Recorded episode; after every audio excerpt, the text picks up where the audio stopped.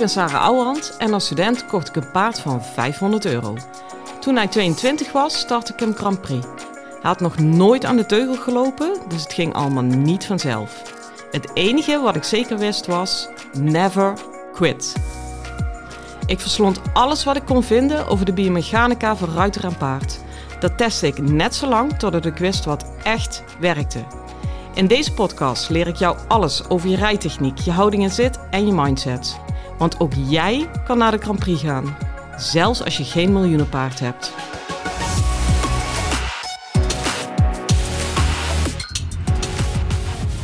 Hi lieve paardenmensen. Nou, mijn dag 1 van de tweedaagse in uh, West-Friesland zit erop. Even tellen hoeveel had ik. Oh ja, 9 ruiters. Nou, dat zijn er genoeg voor een dag als je ook al twee uur heen moet. Uh, maar ze waren alle negen waard. Dus dan is het uh, leed snel geleden. Als er al leed is. Hè? Nou, ik ben bijna bij mijn B&B. Maar ik dacht eerst jullie nog even. Um, want ik heb toch wel weer een heel interessant stukje met iemand uitgewerkt. En het ging in haar geval over de pirouetten. Maar je kunt dit naar heel veel dingen toe vertalen. Bijvoorbeeld ook naar de series. En eigenlijk begint dit bij het rijden van een goede volte. Heb ik eerder een podcast over opgenomen. Dat het, en dan blijkt maar weer hoe belangrijk het is dat je de basisoefeningen goed opbouwt. Dat het zo ontzettend belangrijk is dat als je een goede volte rijdt, rij je die vanuit de buitenkant. En eigenlijk zeg ik dan altijd een goede volte is een uitgesmeerde keertwending. Daarmee bedoel ik dat je hem eigenlijk vanuit je buitenbeen continu naar binnen toe draait. Uh, dat betekent natuurlijk wel dat in de binnenkant in eerste instantie wat, wat recht en wat hoekig wordt. Maar dat is dan maar zo. Alles beter dan dat geknijpt tussen je binnenbeen en je buitenteugel. Wat op zich ook nog eens echt een verkeerde instructie is, maar de uitvoering is vaak wel heel erg verkeerd. Um, dus ik vind het echt een gouden als je hem van buiten naar binnen toe rijdt, omdat je het dan veel meer kunt hebben over schoudercontrole zonder dat je aan die kop moet gaan joggen. En je mag natuurlijk wel eens een keer wat opvangen en wat bijsturen, maar wat ik heel vaak zie, is dat als ze naar buiten over die schouder toe wegvallen, weglopen, en dan echt al fors, hè, met heel veel gewicht. Niet dat je denkt, ik los het nog met één ophoudingje op. En dan krijg je een instructie, ja, dat moet je begrenzen. Ja, maar als die al met 700 kilo door die grens heen is gevallen... Ja, flinke jongen die dat nog met een teugel op kan lossen. En dan ben je dus een sjorren. En daarom zeg ik, ja luister, dat gewicht dat door die buitenkant naar buiten toe valt... Rijd dat nou eens vanuit je buitenbeen naar binnen toe. Dan heb je het over een schouderplaatsing.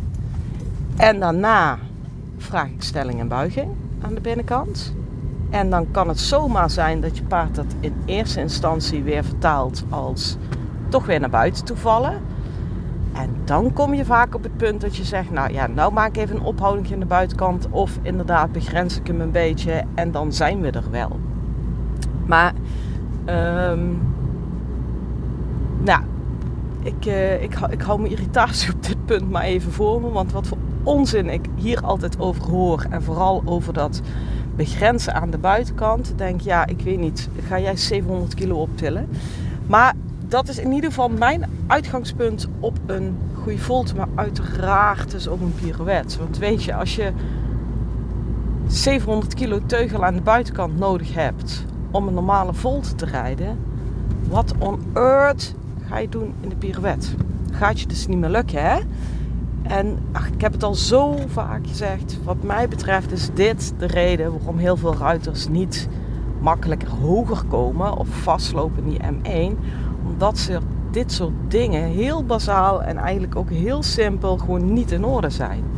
En ze denken dan, ja, die pirouette is te zwaar voor me. Denk, nee, je begrenzing aan de buitenkant of je, je manier van sturen is niet in orde. Maar goed, bij de ruiter waar ik vandaag mee had gewerkt, was dat uh, wel in orde. Zat het mooi vanaf de buitenkant. Ja, weet je, het is dan ook niet zo dat je dan denkt, nou, draai nu maar eens even met twee vingers in de neus een pirouette. Want zo werkt hij nou ook weer niet. Ehm, in een pirouette komt veel samen en zoals jullie van me kennen, pak dat ook weer in deelstukjes mee.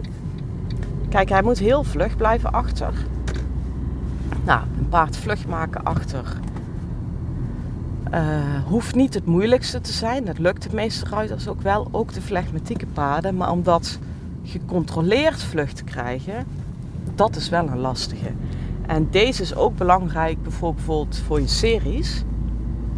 Want uh, in het begin is vlug maken aan de achterkant heet maken. Ja, daar, je moet ze even het vuurtje even prikkelen, op, op welke manier dan ook. Want er moet gewoon iets komen. Nou, laten we er voor het gemak van uitgaan dat er dan inderdaad iets komt. Ehm, ik heb maar zelden, ik heb eigenlijk maar één of twee paarden bij wie er dan echt geen vuur komt. En met die mensen heb ik ook het gesprek gehad van, ja weet je, als het intrinsiek zo niet aanwezig is, dan moet je afvragen of je door moet willen gaan met het paard naar een hoger niveau. Je moet hem natuurlijk, kunt hem altijd blijven rijden. Maar zolang ik zie dat ze daar vurig op worden, in welke vorm dan ook, denk ik, nou, uh, we kunnen lekker door. Alleen moet dat vuur wel hanteerbaar zijn. En dat is wat mij betreft ook weer een hele belangrijke tussenstap na het draaien van een goede pirouette, maar ook van het springen van een goede serie. Dat je die vlugheid, die heetheid zacht kan houden. Ja, dat is natuurlijk het moeilijkste wat er is. Want ja, zeker met die van mij, uh, wat je aan de achterkant erin stopt, krijg je e-, eerst in drievoud aan de voorkant terug. Uh, en dan heb je er natuurlijk helemaal geen ene fluit aan. En zeker bij een pirouette, dat gebeuren moet heel compact en stuurbaar blijven. Uh, want ja, het moet gewoon allemaal klein. Dus wat ik dan eigenlijk doe, is gewoon op een hele simpele volte, misschien een tikje travers, maar dat hoeft voor mij niet eens. Uh, dan sta ik wel in het midden met een longeerzeep of iets wat prikkelt. En daar hoef ze vaak niet eens meer aan te raken, maar wijzen naar het binnenachterbeen is vaak al genoeg. En uh, daarna gaan we wachten totdat de ruiter dit weer naargeeflijk kan maken. En dat heeft gewoon even tijd nodig, want het is maximaal aanstaan en maximaal ontspannen tegelijk. Ja, dat, dat is natuurlijk een spannend stukje. En uh, daar wachten we gewoon op. En wat ik dan ook meteen weer controleer: van ja, hoe vertaalt het paard die heetheid? Niet alleen naar voren toe door de hand toe, maar ook gaat hij niet nu alsnog door die buitenkant wegvliegen. Gebeurt ook 9 van de 10 keer natuurlijk.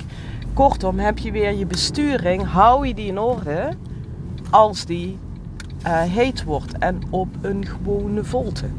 We zijn nog steeds geen pirouette draaien. Nou, meestal heb je daar echt, echt wel even voor nodig. En die tijd neem ik dan ook gewoon, omdat ik gewoon zeker weet, ja, als je nu hierin investeert, dan draai je hem dadelijk wel met twee vingers in de neus. En anders ben je aan het leuren. En de hele hete paarden krijg je nog wel omgeleurd. Maar je moet het sowieso natuurlijk niet willen. Maar de flegmatieke paarden uh, breken dan gewoon af. Of maken hem te groot. Of krijgen een takfout. Weet ik veel. Die van mij springt zelfs wel eens in een pirouette een wissel. Dat is ook heel knap. Dus ehm, daar hebben we met haar op gewacht van oké, wanneer werd zacht? En naar mijn smaak werd hij deze les daarin niet zacht genoeg. En met name aan de buitenkant niet. Om te kunnen zeggen, dan draai maar door. Dus dat hebben we ook niet gedaan. Maar ik zal hem voor jullie even afmaken. Natuurlijk maak je dan uiteindelijk die volte kleiner totdat het een pirouette heet. Maar er zit voor mij nog één stapje tussen. En dat is dat je in die volte in travers gaat.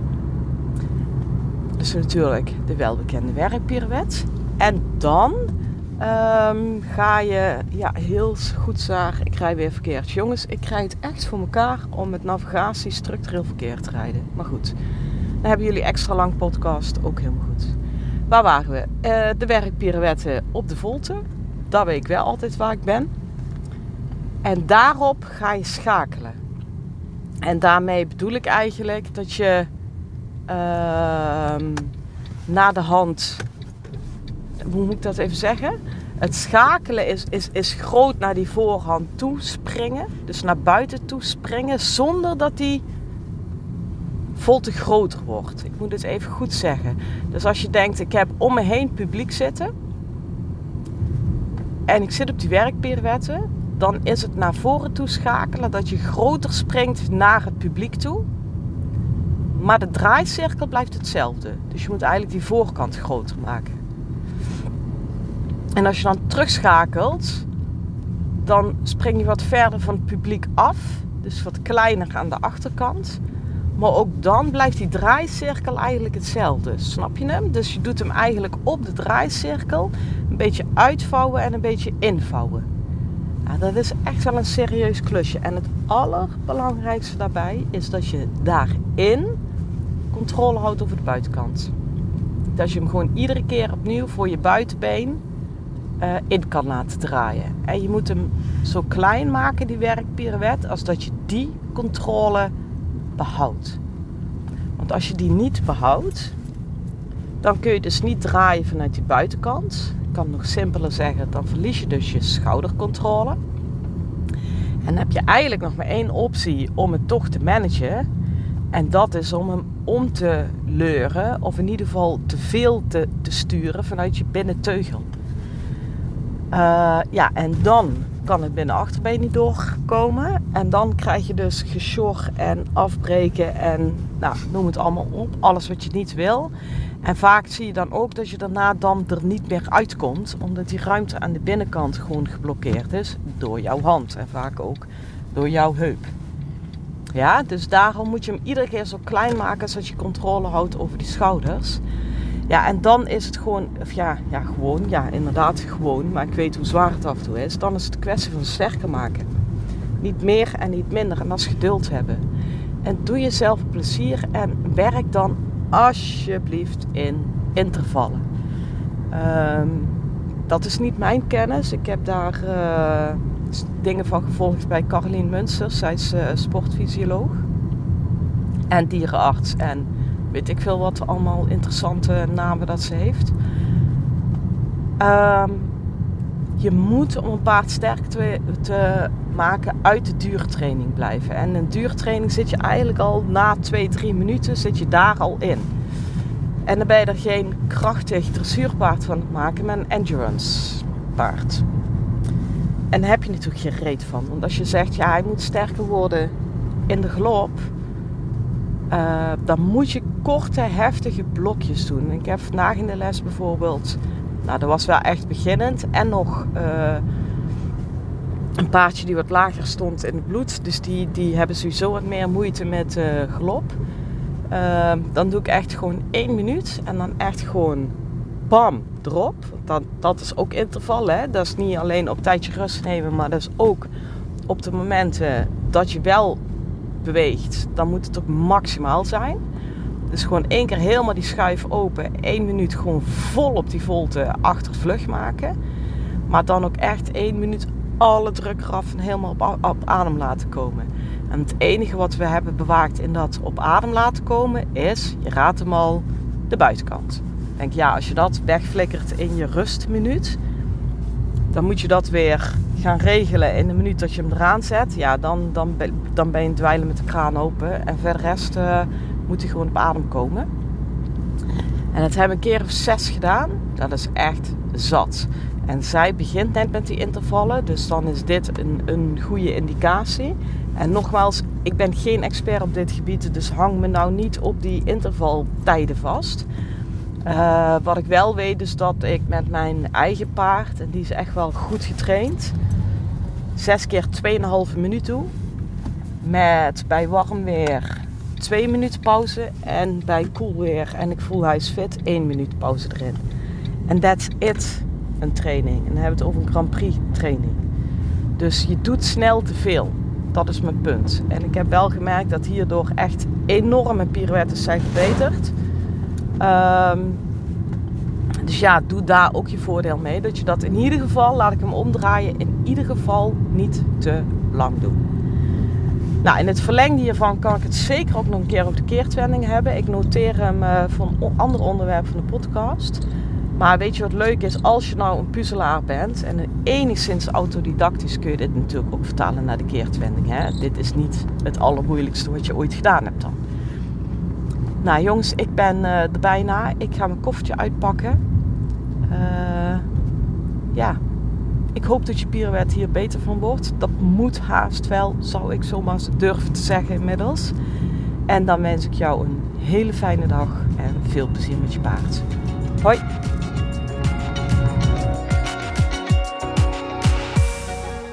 Lieve ruiters, dit was hem weer voor vandaag. Waardeer je mijn tips? Geef me sterren op Spotify en iTunes. Dat voelt voor mij als een dankjewel. En geef je paard een knuffel van me.